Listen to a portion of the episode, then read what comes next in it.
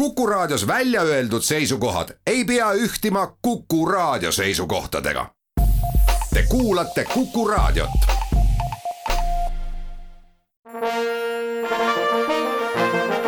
Vanemuise veerand. tere, Kuku Raadio kuulajad. tere saatekülalisele, tere, Mart Kadastik. tere, tere. jäin hetkeks mõtlema, kuidas oleks Vanemuise veerandi kontekstis õigem teie poole pöörduda, kas kui näitekirjaniku poole või öelda lihtsalt, Vanemuise veerandis on külas kirjanik Mart Kadastik? ei, ma ei nimetaks ei ühte ega teist, et äh, esiteks see näidend, millest me vist siis natuke nüüd räägime ja mis Vanemuise esietendub õige varsti, see on minu esimene näidend, vähemalt täispikk, ma kooli ajal kirjutasin ka paar näidendit, aga niimoodi avalikult publiku ette tulla kutselisest teatrisse on minu esimene proov, esimene tükk, nii et selles mõttes see ei anna mulle küll mingit õigust ega au nimetada ennast näitekirjanikuks. ja, ja kõik see on nagu selles kinni, kellena sa iseennast ikkagi tunned, et ma tegelikult ei tunne ennast ka mitte kirjanikuna, ehkki mul on viis või õigemini kuus romaani on ilmunud, aga no viis pool, aga, aga ma ei tunneta ennast kirjanikuna. kui ma ringi liigun või inimestega suhtlen, siis ma tegelikult olen ikkagi noh, enda jaoks olen ma ikkagi ajakirjanik. viis pool romaani võiks anda muidugi ka õiguse nimetada ennast kirjanikuks no see on formaalne tegelikult, kui, kui lugeda noh, et, et oled Kirjanike Liidu liige või, või midagi sellist, et siis seal on vist statuut, et kolm raamatut peaks olema ja ja noh, mind sinna ka kutsutud, aga mul ei ole mingit vajadust sinna minna, sest ja tegelikult ma ei ole ka Ajakirjanike Liidu liige ehk ma neid igasuguseid liikmelisusi olen vältinud ja kõiksuguseid selliseid sotsiaalseid ühendusi ka. head inimesed on see lavastus, see näitemäng, millest me rääkima hakkame, selle esietendus on kahekümne esimesel novembril Sadama teatris, lavastab Ain Mäeots. millised on teie suhted Ain Mäeotsaga? meil on väga head suhted, et millised need suhted saavad olema pärast etendust, seda, seda me näeme. või, või noh, siis, siis tunneme. et mulle meenub minu enda hea õpetaja, professor Juhan Peegli lause, kui tema raamatust, romaanist Ma langesin esimesel sõjasuvel, tegi Kaarel Hird, dramatiseeris selle raamatu, tegi sellest ilusa näidendi ja, ja Juhan siis enne etendust ütles, et noh, nüüd ma saan näha, kas ma nüüd langen esietendusele või mitte. ja, ja no eks ta mul on natukene samasugune tunne, et mul ei ole seda kogemust enne polegi kuskilt võtta olnud, et mismoodi tegelikult nüüd üks tekst, käsikiri, mille sa oled oma fantaasias välja mõelnud, mismoodi see vormub nüüd lavalaudadel ja läbi konkreetsete näitlejate. see on hästi põnev protsess ja ma olen Hainile väga tänulik, et tal tal on ka tahtmist mind, mind nagu noh, siduda selle lavastamisprotsessiga, et ma noh, konkreetselt homme lähengi sinna proovi, mis on juba siis liikumise proov Sadama teatris ja, ja noh, see on mulle emotsionaalselt hästi, hästi põnev näha. see ei tähenda, et ma seal hakkaksin proovis midagi ütlema, et õige on nii ja vale on naa, see enam ei ole minu töö, et nüüd on ikkagi, Ain teeb seda lavastust ise ja, ja käsikiri on tema jaoks lihtsalt abivahend ja tegelikult etendus ikkagi sünnib, sünnib millestki muust, see on ikka näitlejate ja lavastaja töö. kui palju selles loos, head inimesed on väljamõeldist, fantaasiat. kui palju on seal selliseid olukordi või võib-olla ka tegelasi, et kui tahta hakata otsima meie kaasaegsete hulgast inimesi, kes on võib-olla samamoodi käitunud või käituvad samamoodi, siis võib tekkida hea tahtmise juures äratundmine, et hmm, see on selle inimese pealt maha kirjutatud.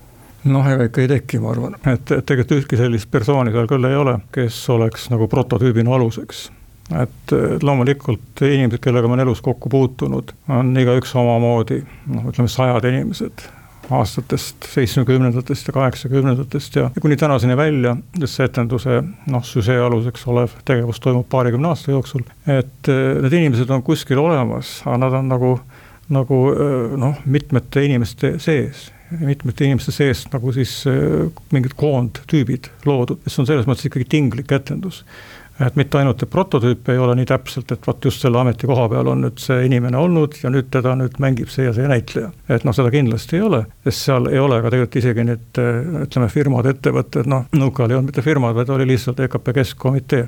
et isegi need on tegelikult tinglikud ei saa kuidagi pidada, et see on, on just noh, EKP või Eestimaa mingi parteiorgan, kuigi kõiki indikatsioone ümberringi näitab, aja, ajaloo see raamistik näitab väga täpselt kuni jalgpalli maailmameistrivõistlusteni ja Tšernobõli tuumaplahvatuseni, ehk selliseid ajaloolisi fakte fakte, äh, mis loovad raami ümber selle tüki, on väga palju, need on, kõik on täpsed, et selles mõttes võib väita, et see on ajastu truu. Ja samal ajal see põhitegevus, see ütleme, see organisatsioon, ettevõte või asutus siis, kust need inimesed äh, seal askeldavad, selle nimi oli, oli vist äh, Rahvaluule Keskvalitsus.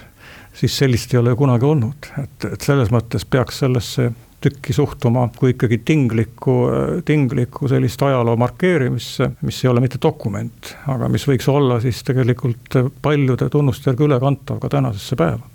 inimesed, kes on nõukogude ajal elanud oma täiskasvanu elu, nende jaoks on mõistetav, kui kirjeldatakse näiteks tegelase olukorda, kus ta peab langetama mingeid valikuid ta nagu oleks surutud olukorda, kus ta peab midagi otsustama ja need valikud, mis ta ees on, need ei ole ükski sellised, mida ta võib-olla tahaks. Nõukogude ajal elanud inimene saab aru nendest olukordadest kas noored, kas nad võiksid sellest aru saada?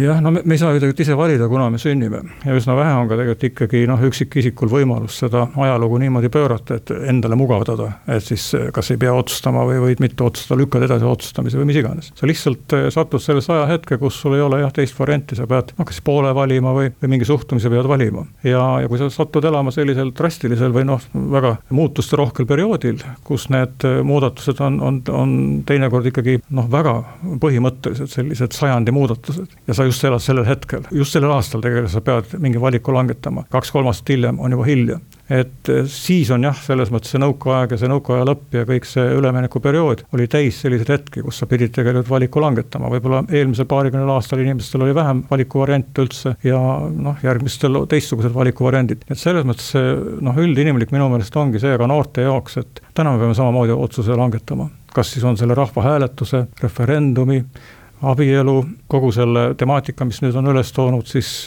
noh, populistlikud erakonnad terves maailmas, mitte ainult Eestis. Ameerikas siis kas Biden või, või Donald Trump ja nii edasi, noh, presidendivalimised, mis just, just Ameerikas toimusid. ega see ei lõpeta tegelikult selliseid vastasseise ära eks see poole valimise tegelikult äh, noh, dilemma on minu meelest tänases päevas väga aktuaalseks läinud, et väga raske on jääda nagu sellises maailmas, mis muutub minu meelest nagu aina rohkem mustvalgeliseks. värvid kaovad ära, jäävad alles ainult mustvalged, sa pead selle poole valima. ja, ja selles mõttes on see tänane päev tulnud äh, noh, hämmastavalt lähedale oma sellise noh, selle tämbri poolest, sellele ajale, kus siis kaheksakümnendatel aastatel inimesed pidid ka valikuid tegema. ja noh, ainult et, et inimene on tark tagantjärele et täna me ei saa nagu targad olla tagantjärele. et see, mida me täna tegelikult äh, valime ja otsustame, kas hästi, halvasti või õigesti, valesti, me seda ei tea veel, see selgub võib-olla kümne, võib-olla kahekümne aasta pärast, võib-olla kolme aasta pärast, me ei tea seda. ja väga paljuski ka tegelikult äh, samamoodi oli kas siis seitsmekümnendatel, kaheksakümnendatel, ka üheksakümnendate algul, kui see üleminek oli, kus, kus mitte ei olnud võib-olla valida seda, et kas sa usud, et Eesti Vabariik tuleb tagasi või ei usu sellesse, üheksandatel hoopis teised tegelikult valikuvariandid, et kas sa nüüd paned selle raha sinna ja, ja võtad sealt siis kolm korda suurema raha tagasi või ei riski. ehk siis, kas sa hakkad nagu selliseks kapitalistiks, lootusega, et äkki saad rikkaks, aga teed teise valiku ja äkki, äkki ei saa rikkaks ja nii edasi. ehk väga palju võimalusi tegelikult oli üheksakümnendatel, veel rohkem, aga need ei olnud nii mustvalgelised variandid, nagu võib-olla täna on ja võib-olla olid siis kaheksakümnendatel me rääkisime põgusalt lavastajast Ain Mäeotsast. selles loos on väga värvilisi karaktereid. kas neid kirjutades te mõtlesite ka mõne konkreetse näitleja peale?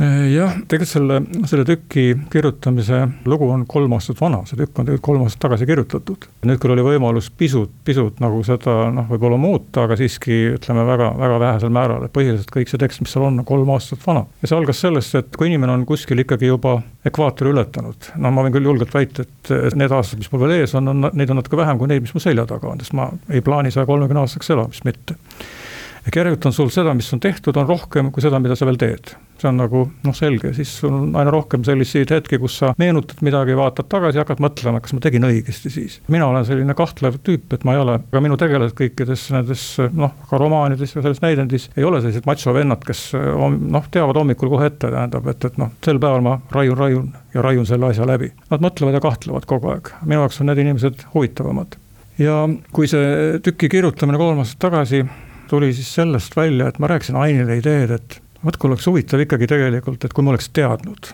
mis ees tuleb. kõik need murrangulised aastad, mis tulid siis, Nõukogude Liidu lagunemine, Eesti Vabariigi tekkimine, noh, hiljem on ka neid murrangulisi hetkeid olnud, aga need olid vast kõige siis sellised olulisemad, vähemasti minu elus. kui oleks teadnud ette, tegelikult niimoodi läheb, et kas siis ma oleks teistmoodi elanud? Ja ma arvan, et iga inimene tegelikult ju aeg-ajalt mõtleb selle peale, et noh, võib-olla abiellus kellegagi, aga ikkagi jääb südamele mingisugune kriipimine, et pagan, kas ma tegin õigesti, see teine tüdruk oli ju veel parem minul on vedanud, ma olen nelikümmend neli aastat olnud õnnelikus abielus, aga vot kõigil ei ole vedanud. Ja siis võtab teise, proovib kolmandat, neljandat korda, aga hakkab kunagi tagantjärele mõtlema, äkki see teine variant oli ikkagi parem, kolmandaga läks natukene metsa see asi. et see on ju nii loomulik, et ostad isegi auto. Ja siis sulle tundub, et pagan, pidin ma selle sinise auto võtma, tegelikult valge oleks palju ilusam olnud. et ikkagi tekivad mõnedel hetkedel sellised tunded, et, et oleks ma vaid teadnud seda ja, ja sellest lähtuski selle tüki nagu loogika, et, et, et see tegelane, peategelane, kes selles näitemängus on, et tema juhtumisi tegelikult saab teada, mis hakkab tulema.